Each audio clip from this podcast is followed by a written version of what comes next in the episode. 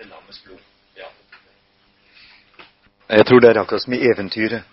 Lyst fram og mørkt bak. Altså, når vi, kommer, når vi fra vår side kommer i møte med Gud, så er det egentlig bare et stort mørke. Og dette mørket, det er Det er Ja, Luther sier at troen er det mørke hvor Gud bor. Vi kan ikke se Gud, vi kan ikke føle Gud. Allikevel så kan vi fornemme Guds veldige nærvær og, og tro ham på ordet. Gripe Gud på det nakne ord, som Luther også kan si. Men bildet er jo selvfølgelig hentet fra helligdommen i Jerusalem, hvor, hvor arken, Guds trone, alltid skulle ligge i stummende mørke. Som Salomo sier ved innvielsen av Jerusalems tempel, Herren har sagt han vil bo i mulmet. Altså Det er liksom det utilgjengelige for mennesket. Det, der hvor det er et sånt lys som menneskene ikke kan se i. Infrarødt, om du vil. Det er ikke tilgjengelig, i hvert fall for våre øyne. Og der bor Gud. Og for oss er dette et veldig mørke, og det er død, men fra Guds side så er det lys og liv. Det er noe et sånt fenomen som vi aner vel instinktivt hva det er. Det er noe på en måte, Fra en side sett er det noe veldig skremmende med Gud. Vi taler om Guds frykt. Når vi går i møte med Gud, så kommer vi inn i et rom hvor ikke vi lenger kan orientere oss, egentlig. Vi har ikke noen faste holdepunkter lenger, for det er noe totalt fremmed, annerledes.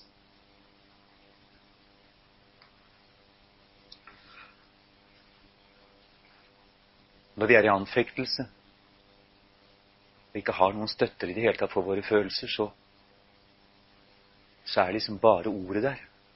Gud er en nådig Gud. Gud vil deg vel. Du skal stole på Gud, selv om ikke du kan se ham, ikke føle ham, ikke kjenne ham. Han er nær. Han er vår Herre Jesu Kristi Far. Det er troens situasjon når den er bare tro og ikke beskuelse. Og det er slik Det er den helligdommen Gud er nær oss. Så jeg liker det bildet. Jeg gjør det, for jeg Det er Det er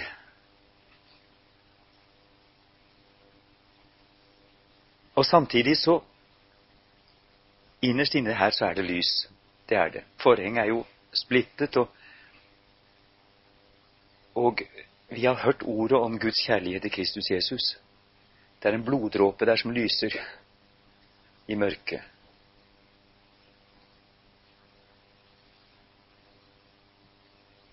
Men det er ufattelig for det naturlige mennesket, som vi sier. Det må en opplysning til ved Den hellige ånd.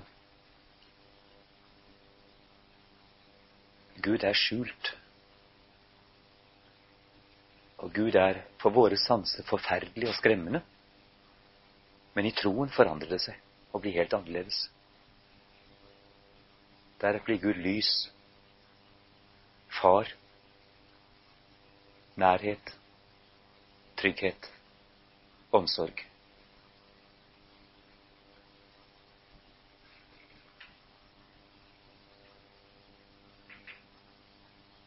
Men samtidig så er Gud en hellig og utilgjengelig. Det er bare gjennom Jesus Kristus at vi har det forholdet. Vi kan aldri få et sånt familiært forhold til den hellige Gud som styrer alle ting i verden. Som styrer de politiske kreftene, og som til og med har hånd med de fryktelige krigene som knuser Sodoma og Gomorra og San Francisco eller hva som helst. En sånn Gud kan ikke vi ha noe forhold til i det hele tatt. Det er bare skremmende og mørk og uforståelig men i Kristus. I det nærværet, i det rommet der. Der har vi et forhold til Gud. Et trygt og godt forhold til Gud.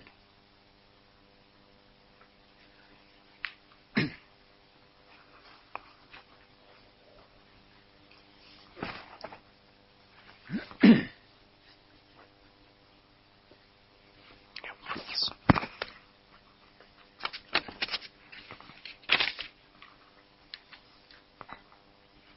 har hørt om eh, det gamle og det nye paktsfolket. Eh, Jeg lurer på om jeg kan få høre litt om mer om forskjellen og eventuell likhet på det gamle og det nye paktsfolket. Ja, det, det er viktig, og særlig også på en måte sammenhengen mellom det gamle og det nye paktsfolket. Jeg må ta Bibelen min her. For den nye pakt den bryter jo gjennom nettopp i det gamle paktsfolket. Den begynner med Jesus Kristus, som er det nye paktsfolkets Messias, som Gud har lovet i alle profetene. Og alle hans disipler er omskårne jøder og tilhører dette gamle paktsfolk. Og det er i sammenhengen med det gamle paktsfolk at det nye folk og den nye pakt blir til. Det er som kyllingen og egget, det. Det henger helt i hop, og det har for så vidt også identitet. Det er sammenheng og identitet. Alt i den gamle pakt peker egentlig frem mot en fullbyrdelse i den nye pakt. Det er på en måte profetier om det som skal komme, og som da Kristus virkeliggjør i verden når han skaper det nye gudsfolket. Vi leser jo Jeremias 31, 31 og videre, og det er interessant å se konteksten, sammenhengen det står i. Det er veldig viktig i våre dager når vi har noe som heter Israel som en påtrengende virkelighet. Vi kan ikke lenger behandle jødene som om de er en misforståelse som flakker rundt som fanter i verden. Vi ser dem plutselig som et folk. Vi leste i vers 34. Og de skal ikke mer lære hver sin neste og hver sin bror og si Kjenn Herren. For de skal alle kjenne meg, både små og store, sier Herren. For jeg vil forlate deres misgjerning og ikke mer komme deres synd i hu. Så sier Herren som satte solen til lys om dagen, og lover for månen og stjernene så de lyser om natten. Han som opprører, ha, opprører havet så dets bølger bruser. Herren, herskernes Gud, er hans navn. Dersom disse lover ikke lenger står ved makt for mitt åsyn, sier Herren, da skal også Israels ett opphøre å være et folk for mitt åsyn alle dager. Så sier Herren, dersom himmelen kan måles der oppe og jordens grunnvoller utforskes der nede, da vil jeg også forkaste all Israels ett for alt det de har gjort, sier Herren. Det vil si at egentlig så lenge verden står, så lenge natt og dag følger hverandre, så lenge stjernene og månene går, så lenge ja, så lenge det enda fins mysterier igjen å utforske, så skal også Israels folk være Herrens folk, og han vil ikke forkaste det i all evighet. Og det er det også Paulus sier. Har da Gud forkastet sitt folk? Nei, ingenlunde, sier han. Selvfølgelig har han ikke forkastet det.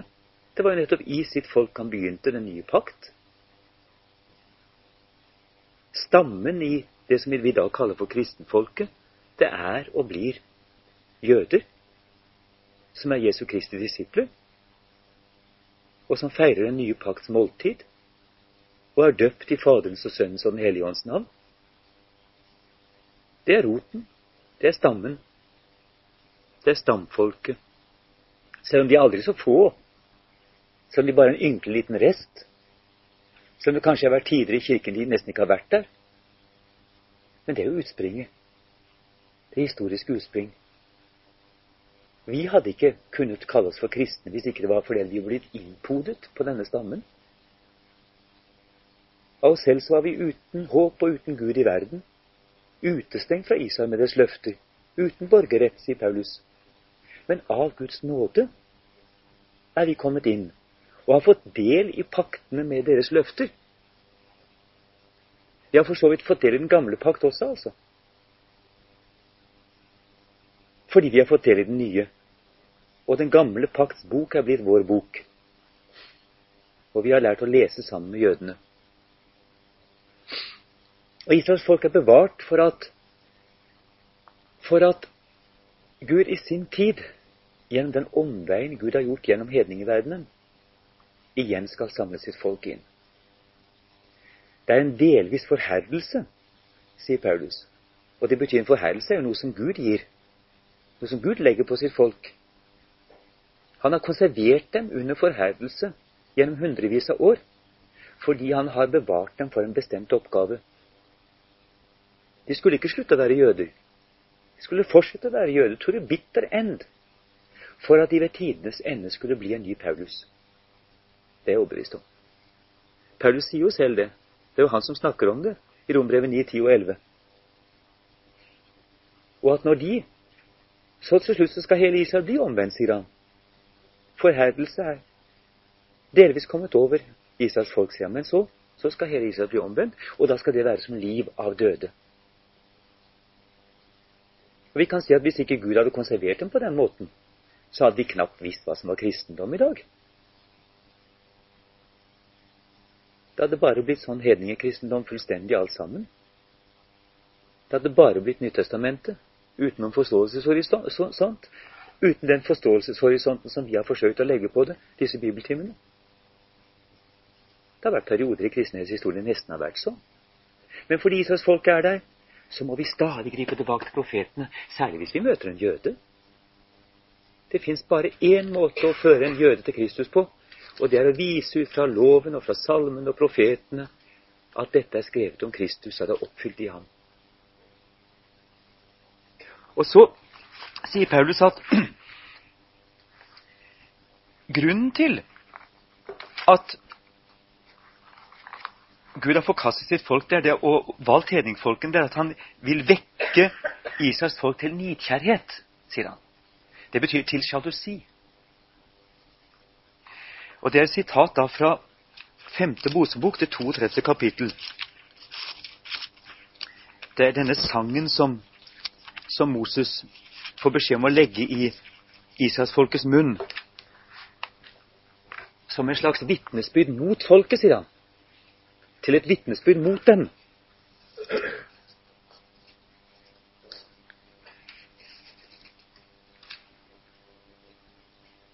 Dere kan lese 31,19. Så skriv nu opp for dere denne sang, og lær Israels barn den. Legg den i deres munn, så den kan være et vitne for meg mot Israels barn for jeg vil føre dem inn i det landet jeg har tilsvort deres fedre, et land som flyter med melk og honning. Og når de er ett og er blitt mette og fete, da skal de vende seg til andre guder og dyrke dem og forakte meg og bryte min pakt. Når da mange ulykker og trengsler kommer over dem, da skal denne sang lyde for dem som et vitne. Den skal ikke glemmes hos dem som kommer efter, og ikke dø i deres munn. For jeg kjenner de tanker de går med allerede nå, før jeg fører dem inn i det land jeg har tilsvoret dem. Samme dag skrev Moses opp denne sang og lærte Israels barn den. Sangen får dere lese i sammenheng for dere selv. Den står da i kapittel 32.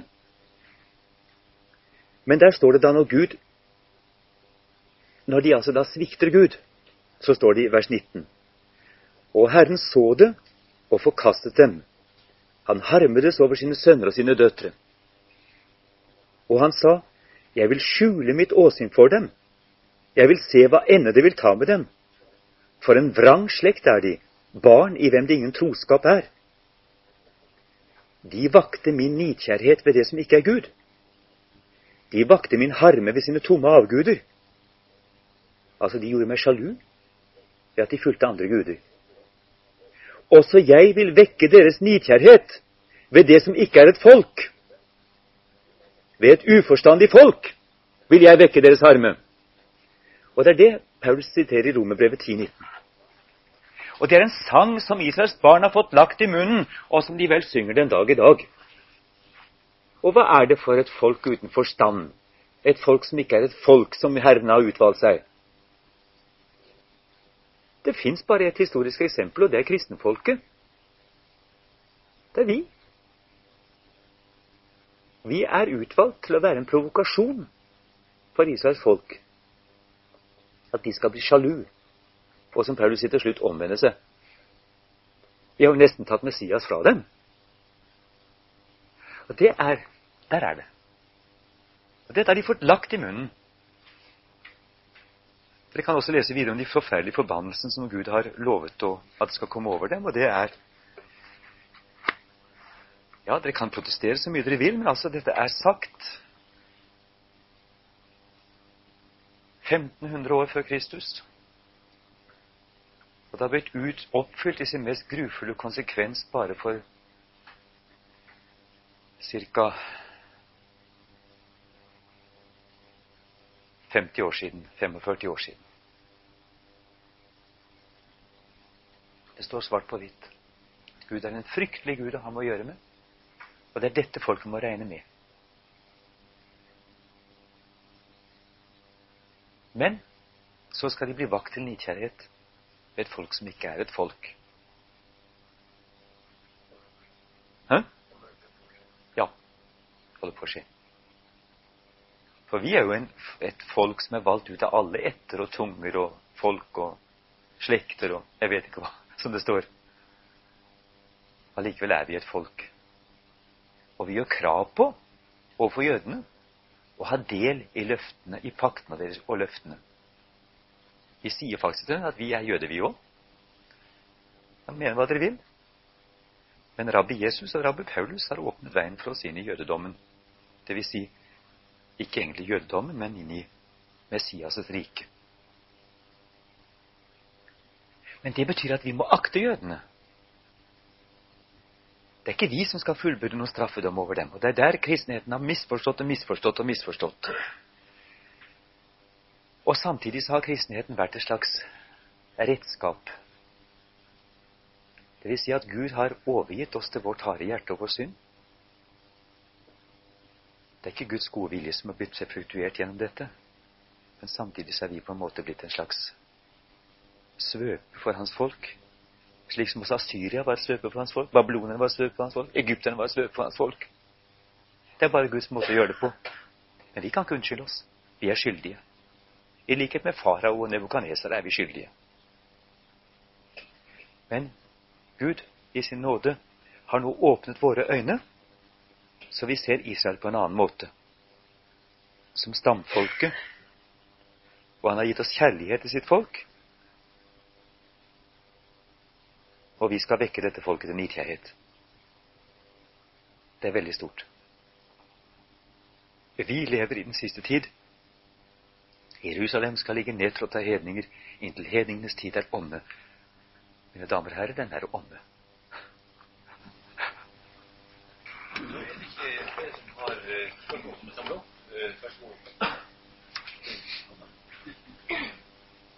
Jeg ville veldig gjerne få utdypet eh, et punkt litt. Eh, jeg er kristendomslærer, og i forbindelse med undervisningen så hender det at jeg enten møter den innvendingen, eller selv opplever det vanskelig å skulle snakke om dette at, eh, at Gud var villig til å ofre sin sønn. Altså, jeg møter den innvendingen Hva slags Gud kan det være for oss som vil gjøre noe så forferdelig? Og jeg syns også selv at det er litt vanskelig å tenke på. Og jeg merker at når jeg skal undervise om eh, Jesu lidelse og død, så vil jeg helst tilrettelegge det på andre måter enn akkurat det. Og nå har jo du i grunnen vektlagt akkurat det, da, men jeg lurer på hvordan du vil svare på en sånn innvending, eller hvordan du tenker på den saken for din egen del.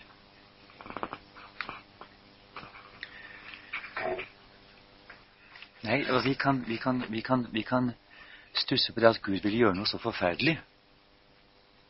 Mot hvem da? Først og fremst mot seg selv. Og det er, der, det er jo der, vi må fokusere. Det er derfor vi begynte med veien til Moria. Fordi at det er For Abraham var det verre å ta sin sønns liv enn å dø selv. Han døde der han sto med kniven løftet. Det kan du være helt sikker på. Altså Det betyr at Gud gir avkall på, slipper det som betyr aller mest for ham i all evighet. At Gud slipper sitt eget liv og alt det som betyr noe for Gud i det hele tatt. Fordi han vet at han må gjøre det hvis vi skal bli berga.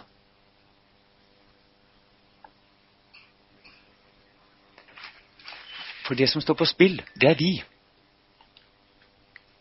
Hvis ikke Gud hadde gjort det, hvis ikke Gud hadde vært villig til å slippe alt, oppgi seg sjøl om du vil, så hadde noe enda forferdeligere skjedd, i hvert fall for oss. Det hadde ikke vært håp for oss. Men det er klart, så lenge ikke du, vi makter å, å fremstille menneskets situasjon slik det ser ut i Bibelen for barna, fordi de er barn, så blir også dette med forsoningsdøden og det at Gud ofrer, at Gud oppgir alt for å frelse, det blir uforståelig. For det kan Det ene liksom hører sammen med det andre. Det er bare lyset av Guds offer vi egentlig kan også få en anelse av hvor dyp vår hvor, hvor dypt vårt problem egentlig må være, hvor forferdelig vår synd må være. De to tingene henger i hop, altså. Så for Gud står alt på spill. Hans viktigste, viktigste skapning står på spill, mennesket skapt i hans bilde. Men hvis Gud skal kunne hente oss inn, slik situasjonen en gang har blitt, så må Gud gi avkall på seg selv. Overvinne seg selv. Og det er egentlig det er egentlig på sett og vis Gud som dør. De gamle snakket om Guds død når de skulle snakke om det. Men noen sa også det at én ting var om Gud døde, men at Gud må gi sin sønn i døden, det er verre. For Gud.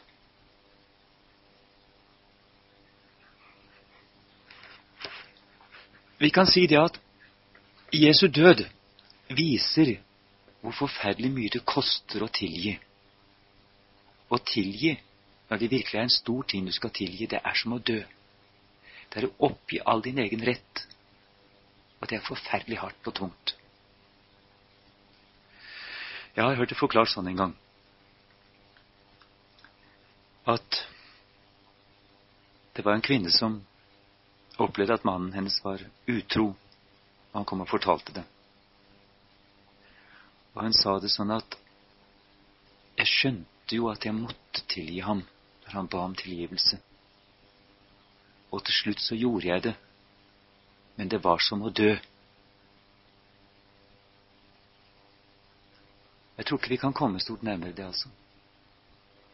Det er som å dø. Eller det er å dø. For Gud er det å dø. Og Jesus sier også at jeg og Faderen er ett. Sønnen gjør dette av fri vilje. Sønnen går inn i dette fordi han er ett med Faderen. Det er ikke et offer som slepes av stedet og etter stedet. Derfor er det så viktig det kapitlet vi har hatt i dag om om Jesu vei til Golgata. Han gjør Faderens gjerninger, sier han. Han er prest i sin Faders sted, om du vil. Han fullfører dette, fullbyrder. Fordi han og Faderen er ett, og vet at dette må til, det må skje. Men den lidelsen som vi ser på korset, den tror jeg går tvers gjennom dødsriket og helt opp i himmelen. Det er en brennende kjærlighet som, som på en måte brenner seg ut. Den, ja, den brenner seg ikke ut, men den er, den er lidelse og lidenskap i ett. Passion betyr begge deler, egentlig.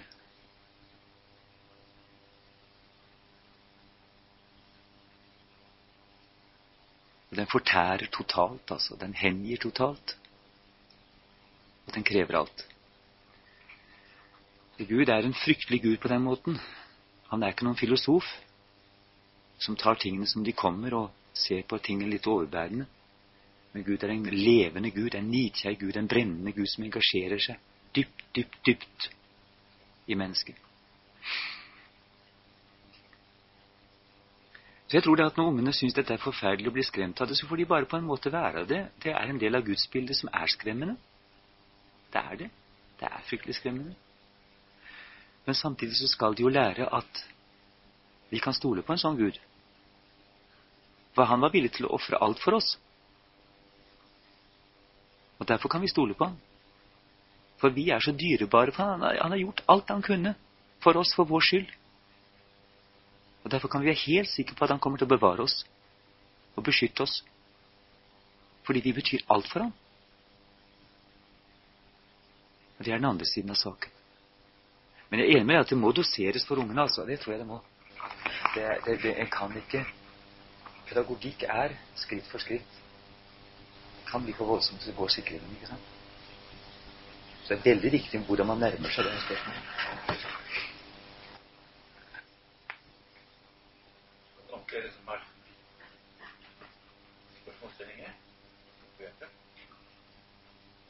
I forbindelse med offeret og utsagnet 'det er fullbrakt', så er det en paradoks jeg ikke får med meg.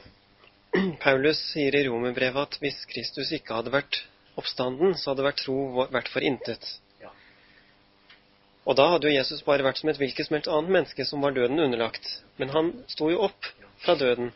Så jeg forstår ikke at det kan sies at det er fullbrakt bare med døden, når korsfest oppstandelsen må se til. Det, det er et godt spørsmål. Det er et godt spørsmål. Jeg tror jeg kan svare på det. Jeg tror jeg kan svare på det. Det som er fullbrakt, det er forsoningen av vår synd.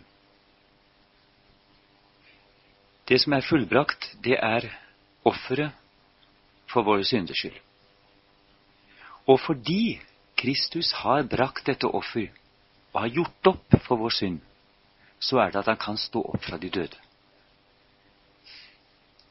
Oppstandelsen er for Paulus selve pantet på at Jesus har gjort opp for vår synd. Altså hvis Jesus, som tok på seg medansvar for våre synder, ved sin død ikke hadde maktet å gjøre opp for dem Hvis han ved sin død ikke hadde maktet å gjøre opp for dem, så ville han fremdeles ha ligget i sin grav med hele vekten av vår synd på seg.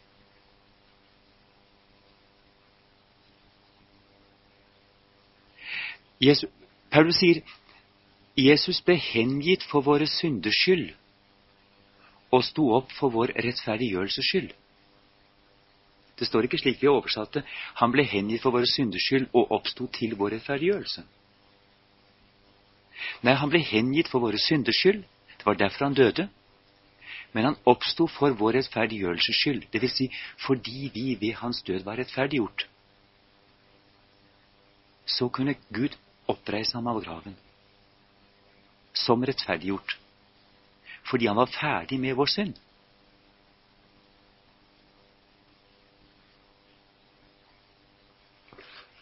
Altså, det, det, det, er der det ligger. Men han oppstår nettopp fordi han er ferdig med vår synd. Hadde ikke Jesus stått fra de døde, så ville det for apostlene vært beviset på at han ikke hadde klart det han hadde påtatt seg. Det er sånn. Men det er paradoksalt nok altså Jesu død som fylles på våre synder, som egentlig er kjernen i hans oppstandelse. Det er det som er oppstandelsens evangelium. Når Jesus står opp her i døra og sier 'Se mine hender og mine føtter', så betyr det 'Se her! Jeg med sårene. Fri!' Og det betyr at dere er fri. Altså, når jeg står her oppstanden, så betyr det at dere er fri. For det var ikke min egen synd jeg døde for, men det var deres synd. Hadde jeg ligget i min grav, så hadde dere vært de elendigste av alle mennesker. For da hadde mitt forsøk bare vært en illusjon, ikke noe annet. Og dere hadde fremdeles vært i deres synder. Men fordi jeg er oppstanden, så betyr det så er dere ikke lenger i deres synder. For jeg er ikke mine synder. Jeg er ikke deres synder. Jeg er ikke bundet av dem lenger. De ligger igjen i graven. Og det betyr at dere er fri.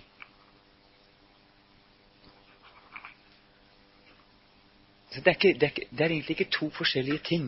Jesus seirer altså med dette ropet 'det er fullbrakt'. Og Derfor så sa de gamle også det, at de snakket om Jesu fornedrelse. Så sa de det var hans inkarnasjon, hans lidelse og hans død, eller noe sånt. Det var hans fornedrelse. La oss si det var tre trinn. Og så var det hans opphøyelse, altså hans triumf. Jo, det var hans nedfart til dødsriket, hans oppstandelse og hans himmelfart.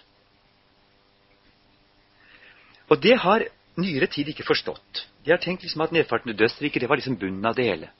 Men det er faktisk ikke det. Allerede i det øyeblikket han har fullbyrdet døden, så er hans vei ned i dødsriket egentlig begynnelsen på seieren. Derfor så sier også Peter at han forkynte for åndene som var i varetekt. ikke sant? Altså, Gjennom sin død så er han allerede i seierens fære, altså. Men så, og hans oppstandelse, det er godtgjørelsen av at dette lykkes. Ellers ville han ligget språtten til sin grav den dag i dag.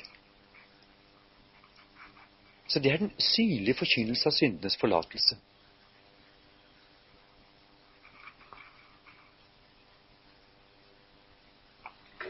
Derfor kan ikke korset og oppstandelsen spilles ut mot hverandre, sånn som det ofte gjøres. Man sier ja, dere er korsteologer, sier de, men vi er påsketeologer. Men det, det, det holder ikke. Det er én og samme sak. Og uten kors ingen oppstandelse, egentlig.